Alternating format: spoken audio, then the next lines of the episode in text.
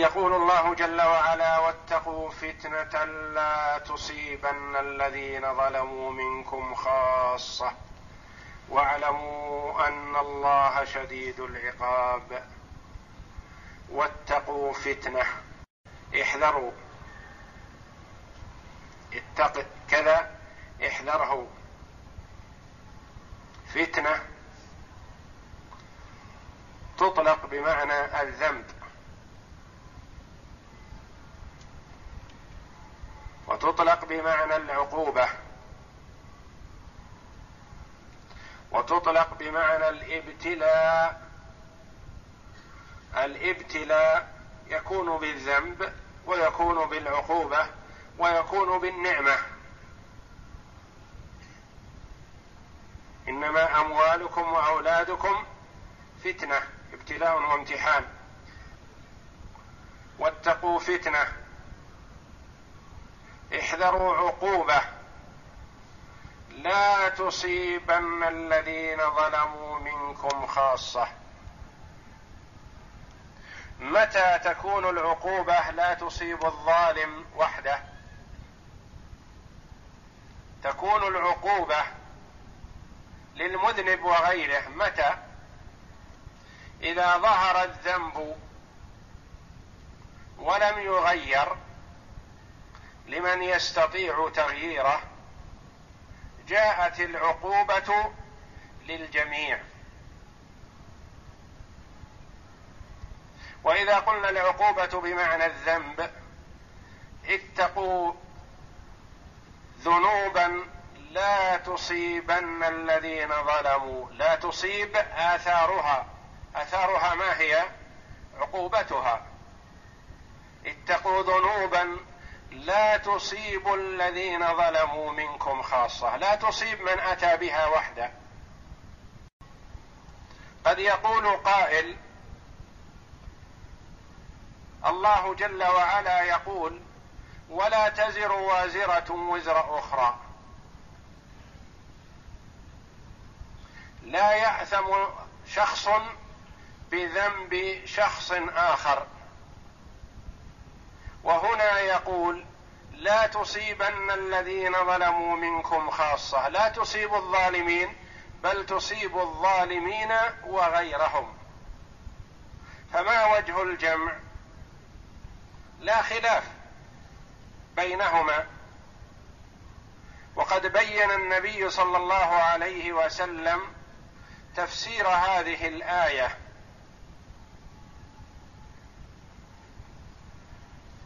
يذنب أشخاص في البلد فتعم العقوبة الجميع كل أهل البلد. متى؟ إذا ظهرت المعصية وفشت ولم تغير. عمت العقوبة الصالح والطالح. المذنب وغيره. وهل في هذا مخالفة لقوله جل وعلا ولا تزر وازرة وزر أخرى؟ لا. المذنب الواقع في الذنب المقترف للفجور والمعاصي واقع في الذنب. الآخرون أهم أذنبوا؟ نعم أذنبوا. ما وقعوا في هذا الذنب؟ لكنهم تركوا تغيير المنكر. فإذا ترك المرء تغيير المنكر فقد وقع في المنكر. إذا كان يستطيع ذلك. أما إذا كان لا يستطيع فلا تزر وزرة وزر أخرى لأنه لا قدرة له على ذلك. وقد ورد ذلك في الحديث عن النبي صلى الله عليه وسلم. وقال عليه الصلاة والسلام من رأى منكم منكرا فليغيره بيده.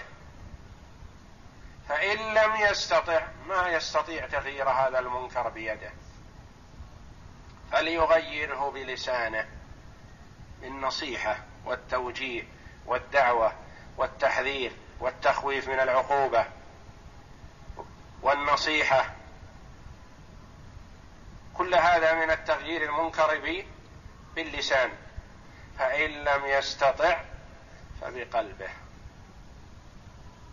يتمعر قلبه ويتأثر من المعصية. ما مقياس ذلك؟ ما هو علامة هذا؟ أن يتألم لوقوع المنكر الذي لا يستطيع تغييره بقلبه كما يتألم لو أصيب في حبيب له.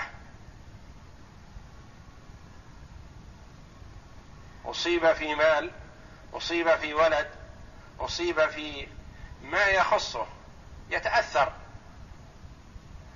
فإذا تأثر لوقوع المنكر وكرهه بقلبه وأبغضه وأبغض فاعله فقد برئ منه.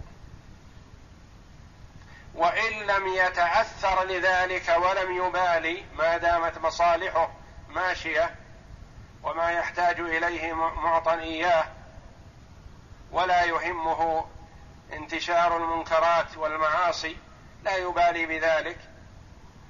فقلبه مقر لهذا المنكر ويكون شريكا لفاعله حينئذ وشريكا له في العقوبة. وعذب وإن لم يقع في المنكر لرضاه به.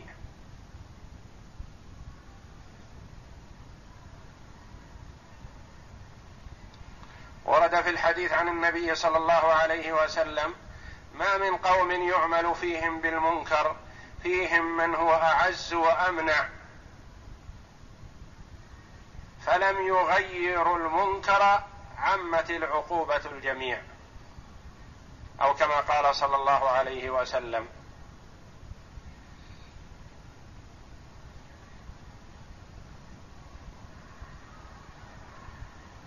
واتقوا فتنة لا تصيبن الذين ظلموا منكم خاصة. لا تصيب الظالمين وحدهم وإنما تعم الجميع.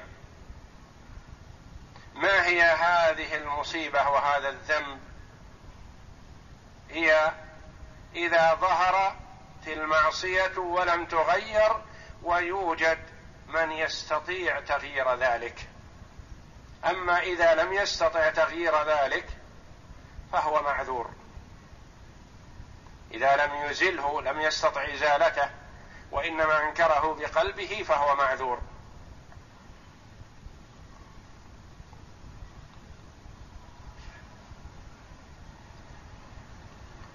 وثبت عن الزبير بن العوام رضي الله عنه يقول كنا نقرأ هذه الآية زمنا طويلا وما ندري أننا المعنيون فيها فإذا نحن المعنيون فيها. في الفتنة التي حصلت بعد مقتل عثمان رضي الله عنه وأرضاه بين الصحابة رضوان الله عليهم. واتقوا فتنة لا تصيبن الذين ظلموا منكم خاصة واعلموا أن الله شديد العقاب. قد تكون عقوبة من أقدم على قتل عثمان رضي الله عنه وأرضاه في داره. ما صارت على من قتل وحده وإنما عمت بما حصل من الاختلاف والفرقة.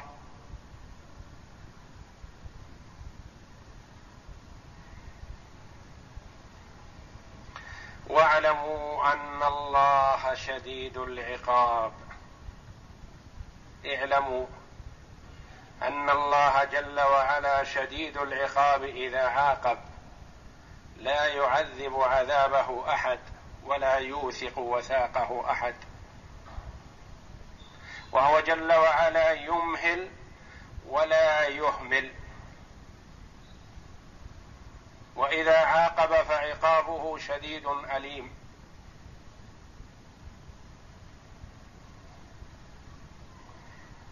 إن لدينا أنكالا وجحيما وطعاما ذا غصة وعذابا أليما. ولا ينبغي للعاقل أن يغتر بامهال الله وإنما عليه أن يستدرك ويغتنم الفرصة فرصة الإمهال قبل وقوع العذاب.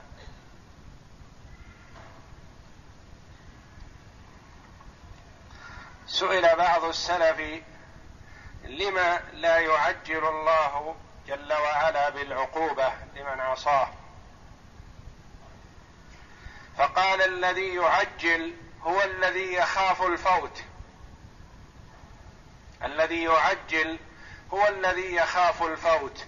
والله جل وعلا العباد بين يديه لا يفلت منهم أحد. فالشخص إذا أراد أن ينتقم من شخص آخر سارع لأنه يخاف أن يفلت من يده. قل هو الآن في يدي وبعد أيام قد يفلت. يذهب يهرب يعتصم بأحد فيبادر. والله جل وعلا يمهل لأن الخلق لا يفلت أحد منهم. عن يده جل وعلا. فقال رحمه الله الذي يبادر بالعقوبة ويعجل بالعقوبة هو الذي يخاف الفوت. أما الله جل وعلا فلا يفوته شيء ولا أحد يفلت من يده. فهو جل وعلا يمهل عبده لعله أن يتوب لعله أن يرجع لعله أن يندم على ما فرط منه فيعفو عنه ويتجاوز سبحانه وتعالى.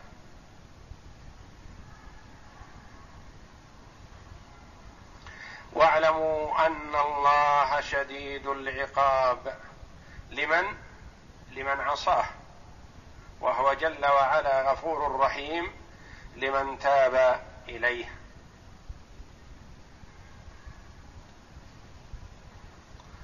واذكروا إذ أنتم قليل مستضعفون في الأرض تخافون أن يتخطفكم الناس فآواكم بحالتهم.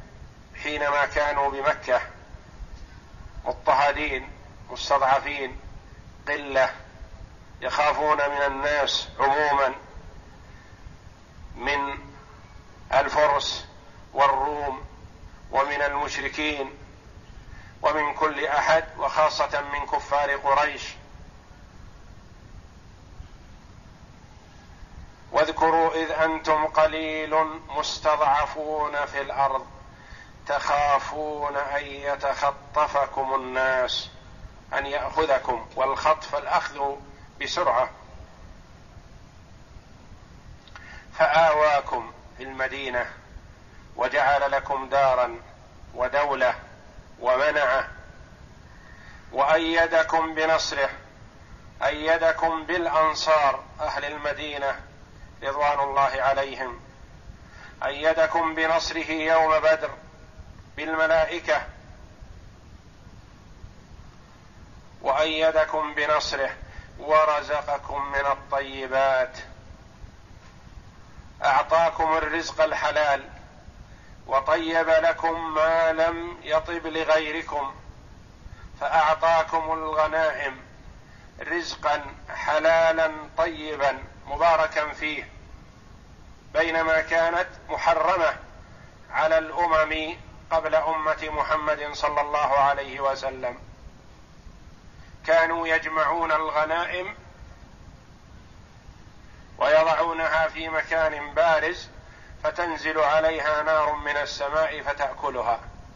وإن كان فيها غلول يعني أخذ منها أو سرق منها شيء توقفت النار حتى يرد ما أخذ. وما أحلت للأمم قبلنا وإنما أحلت لنبينا محمد صلى الله عليه وسلم وأمته. كما قال عليه الصلاة والسلام أعطيت خمسا لم يعطهن أحد من الأنبياء قبلي. فقال عليه الصلاة والسلام وأحلت لي الغنائم ورزقكم من الطيبات لعلكم تشكرون.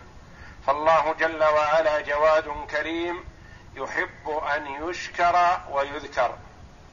وإذا شكر وذكر بارك وزاد.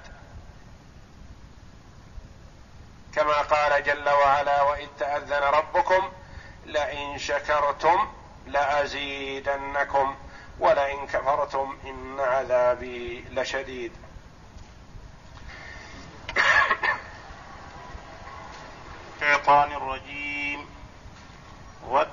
فتنة لا تصيبن الذين ظلموا منكم خاصة. واعلموا أن الله شديد العقاب.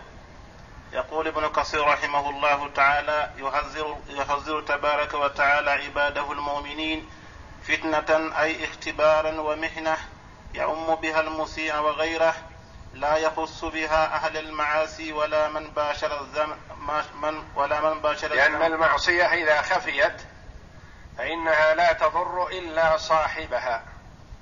إذا خفيت المعصية لا تضر إلا صاحبها.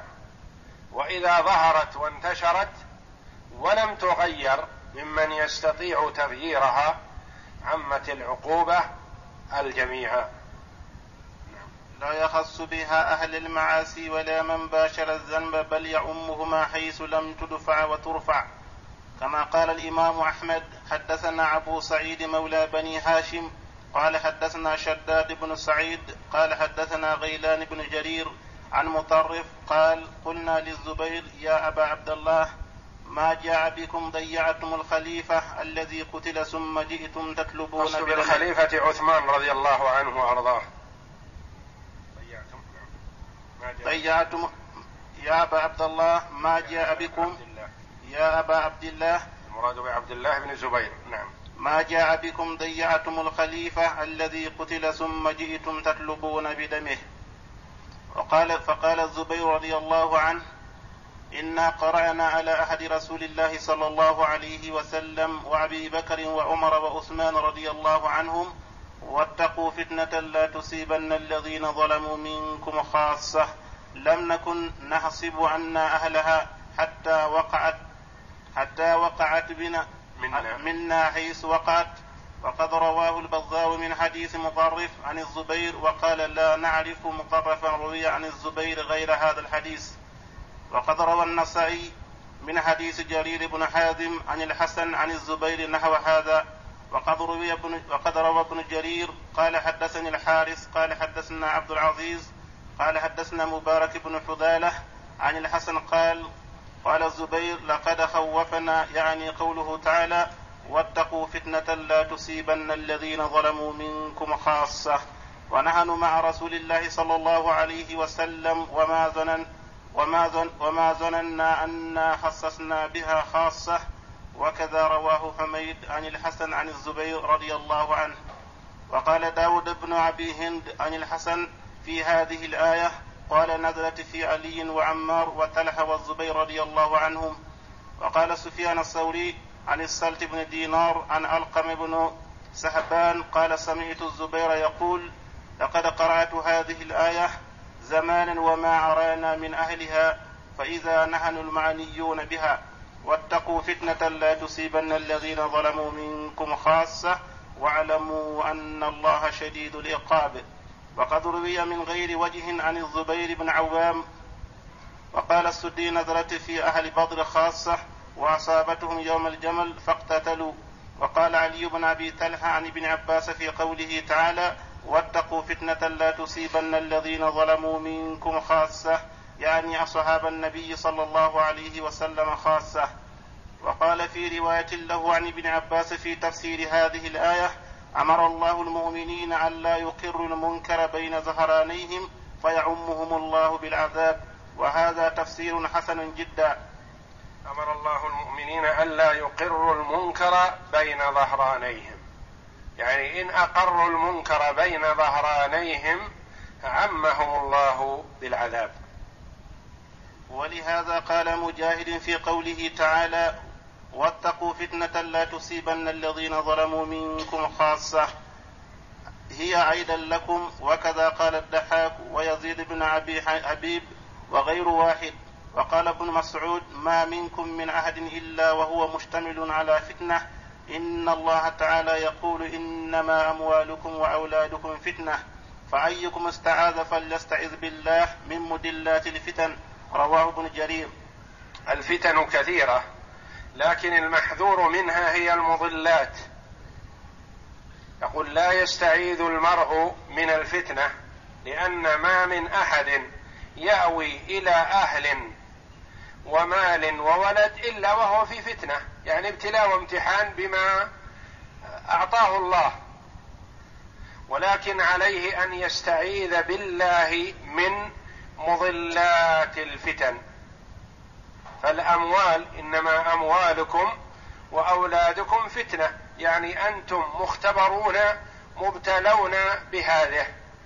فمنكم من ينجح في هذا الاختبار ويفوز ويحصل على الدرجات العلى بالمال والولد فيكتسب المال من حله وينفقه في وجوه البر ويستعين به على طاعة الله.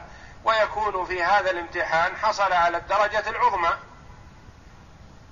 ويعطى الولد فيربيهم على طاعة الله وعلى الأخلاق الفاضلة وعلى ما يحبه الله ويرضاه فيحصل على خير كثير إذا مات من قطع عمله لأنه ربى أولادا صالحين يذكرونه بعد موته ويدعون له فيستمر عمله. كما قال عليه الصلاة والسلام إذا مات ابن آدم انقطع عمله إلا من ثلاث صدقة جارية أو علم ينتفع به أو ولد صالح يدعو له. وإذا أهملهم أهمل أولاده وضيعهم وتركهم لشياطين الإنس والجن عذب بهم وسئل عنهم كلكم راع وكلكم مسؤول عن رعيته فالإمام راع ومسؤول عن رعيته والرجل في أهل بيته راع ومسؤول عن رعيته مسؤول عن أهل بيته عليه أن يأمرهم بطاعة الله ويلزمهم بذلك ويحذرهم من معصية الله ويبعدهم عن ذلك. فهو في المال والولد قد يحصل على الدرجات العلى والنعيم المقيم بسبب هذه النعمة وقد يحصل من جراء ذلك على دركات في نار جهنم والعياذ بالله بسبب ماله لأنه اكتسب المال من غير حله من الربا والحرام والخمر والسحت والكذب والخيانة وينفقه في غير وجهه. ينفقه في معاصي الله وفيما يسخط الله وفي شراء المحرمات واستعمالها وإعانة الفساق والفجار على ذلك فيسأل عن ماله ويحاسب عليه ويعذب به والعياذ بالله.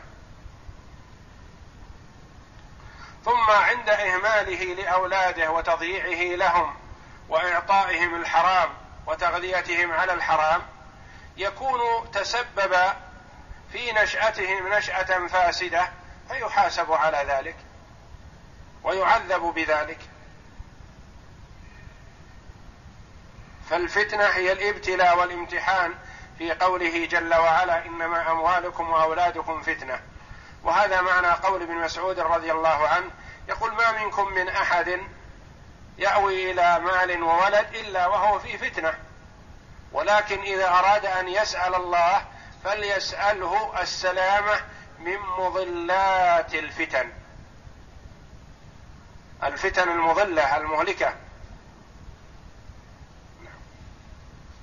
والقول بأن هذا التحذير يعم الصحابة وغيرهم وإن كان الخطاب معهم هو الصحيح ويدل عليه الأحاديث الواردة في التحذير من الفتن ولذلك.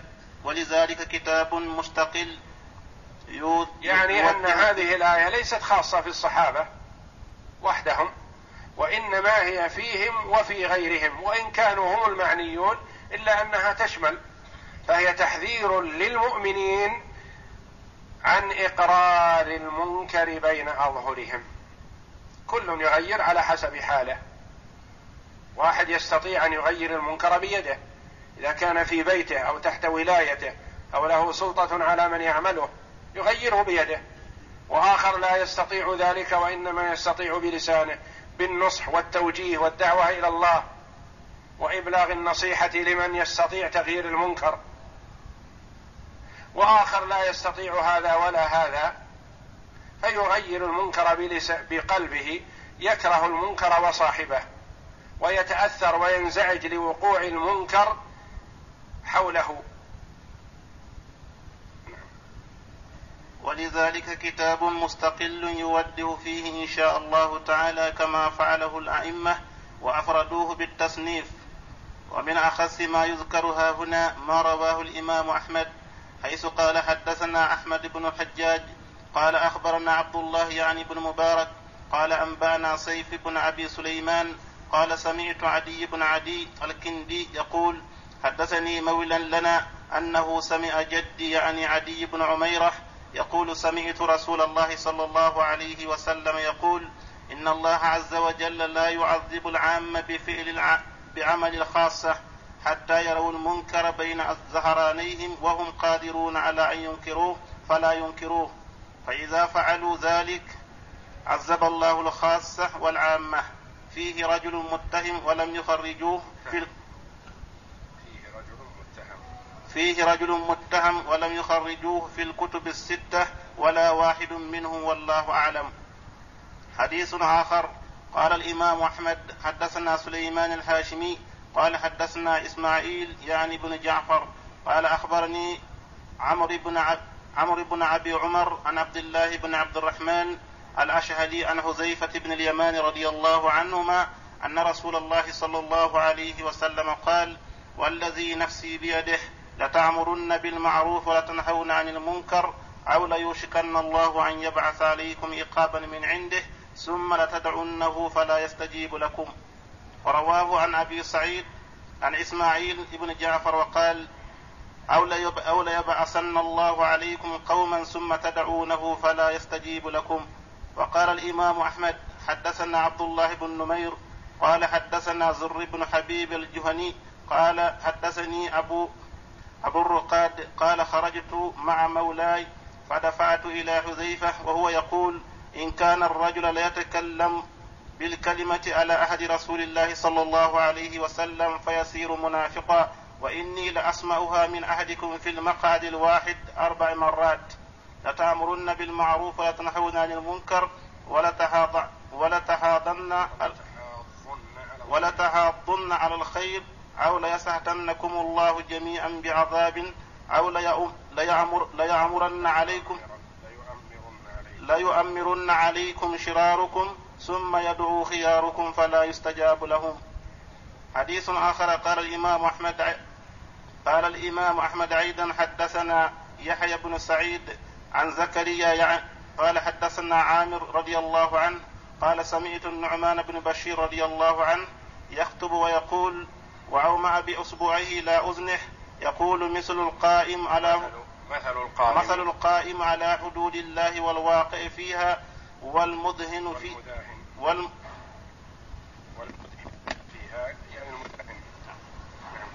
والمدهن فيها كمثل قوم ركبوا سفينة. قائم على حدود الله يعني المانع من المنكر الداعي إلى الله. والواقع فيها الواقع في المحارم. مثل هؤلاء وهؤلاء كمثل قوم ركبوا سفينة. نعم. كمثل قوم ركبوا سفينة فأصاب بعضهم أسفلها وعورها وأشرها وأصاب بعضهم أعلاها فكان الذين في أسفلها إذا استقوا فكان الذين في أسفلها إذا استقوا الماء مروا على من فوقهم فآذوهم فقالوا لو خرقنا في نسيبنا خرقا فاستقينا منه ولم نؤذ من فوقنا. وإن تركوهم وأمرهم هلكوا وأمرهم هلكوا جميعا وإن أخذوا على وإن أخذوا على أيديهم نجوا جميعا. انفرد بإخراجه البخاري دون مسلم. يعني العباد في هذه الدنيا كمثل قوم ركبوا في سفينة. جماعة صاروا في أسفل السفينة وآخرون في أعلاها. فكان الذي في أسفل السفينة إذا أرادوا ماء من أين يأخذونه؟ يصعدون إلى أعلى ليستقوا من الماء. ثم إنهم فكروا في أنفسهم قالوا لو خرقنا عندنا خرقا نأخذ منه الماء ولا نصعد. فإن ترك الأعلون الأسفلين يفعلون ذلك ويخرقون السفينة غرقوا جميعا لأنه لا يغرق الأسفلون فقط وإنما يغرق كل من في السفينة. إذا دخلها الماء وامتلأت بالمياه غرقت في قاعة البحر.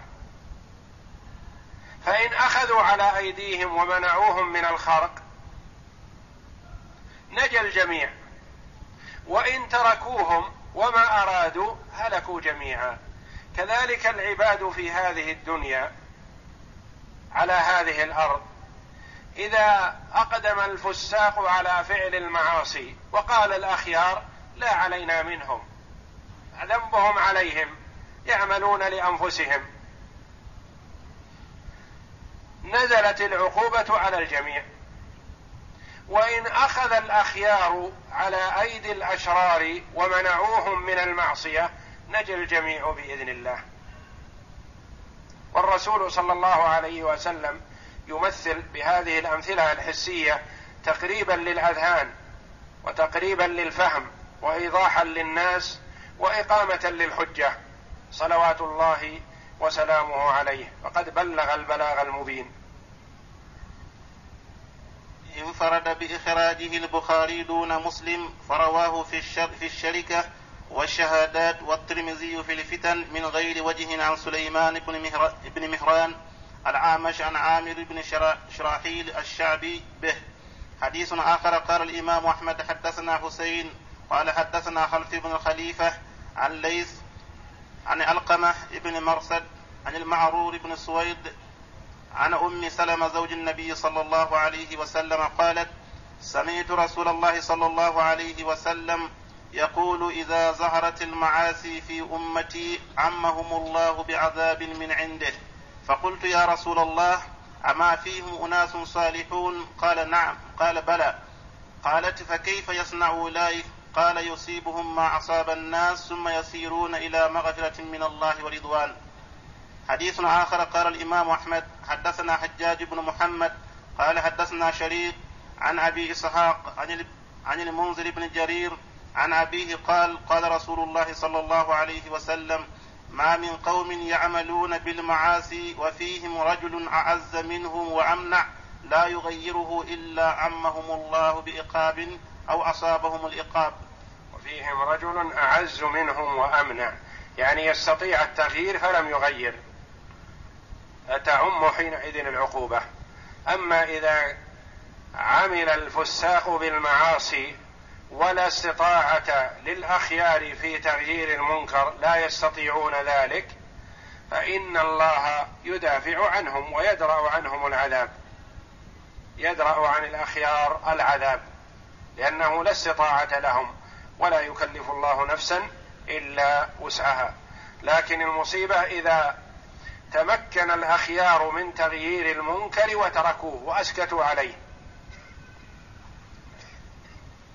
ورواه أبو داود عن مسدد عن أبي الأحوص عن أبي إسحاق به وقال الإمام أحمد أيضا قال ما قال الإمام أحمد أيضا حدثنا محمد بن جعفر قال حدثنا شعبة قال سمعت أبا إسحاق يحدث عن عبيد الله بن جرير عن أبيه أن رسول الله صلى الله عليه وسلم قال ما من قوم يعمل فيهم بالمعاصي هم أعز وأكثر ممن يعملون ثم لم يغيروه إلا عمهم الله بعقاب ثم رواه عيدا عن وكيع عن إسرائيل وعن عبد الرزاق عن معمر وعن الأسود عن شريك ويونس كلهم عن أبي إسحاق السبيعي به.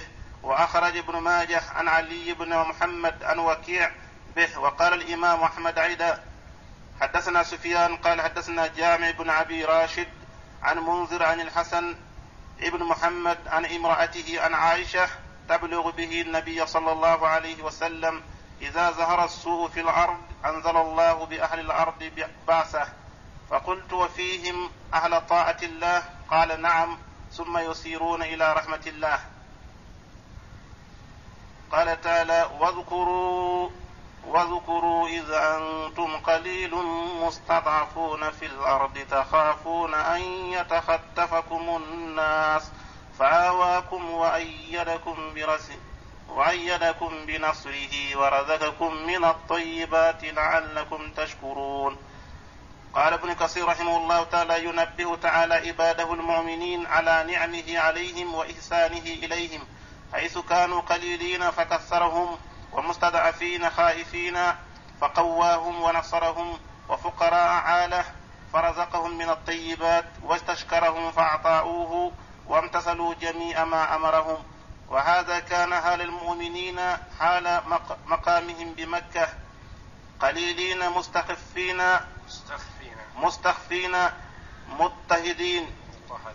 مضطهدين يخافون أن يتخطفهم الناس من سائر بلاد الله من مشرك ومجوسي ورومي كلهم أعداء لهم لقتلهم وعد لقلتهم وعدم قوتهم فلم يزل ذلك دعبهم حتى أذن الله لهم في الهجرة إلى المدينة فعواهم إليها وقيد, وقيد لهم أهلها آووا ونصروا يوم بدر وغيره وواسوا بأموالهم وبذلوا مهجهم في طاعة وبذلوا مهجهم في طاعة الله وطاعة رسوله صلى الله عليه وسلم. قال قتادة بن دعام السدوسي رحمه الله في قوله تعالى واذكروا إذا أنتم قليل مستضعفون في الأرض قال كان هذا الحي من العرب أذل الناس ذلا وأشقاهم عيشا وأجوعه بطونا وأعراه جلودا وأبينه ضلالا من عاش منهم عاش شقيا ومن مات منهم ردى في النار. يؤكلون ولا يأكلون والله نعلم والله نعلم ما نعلم. قبيلا من حاضر أهل الأرض يومئذ كانوا أشر منزلا منهم حتى جاء الله بالإسلام. فمكن به في البلاد ووسع به في الرزق, في الرزق. وجعلهم به ملوكا على رقاب الناس وبالإسلام أعطى الله ما رأيتم فاشكروا الله على نعمه فإن ربكم منعم يحب الشكر وأهل الشكر في مزيد من الله.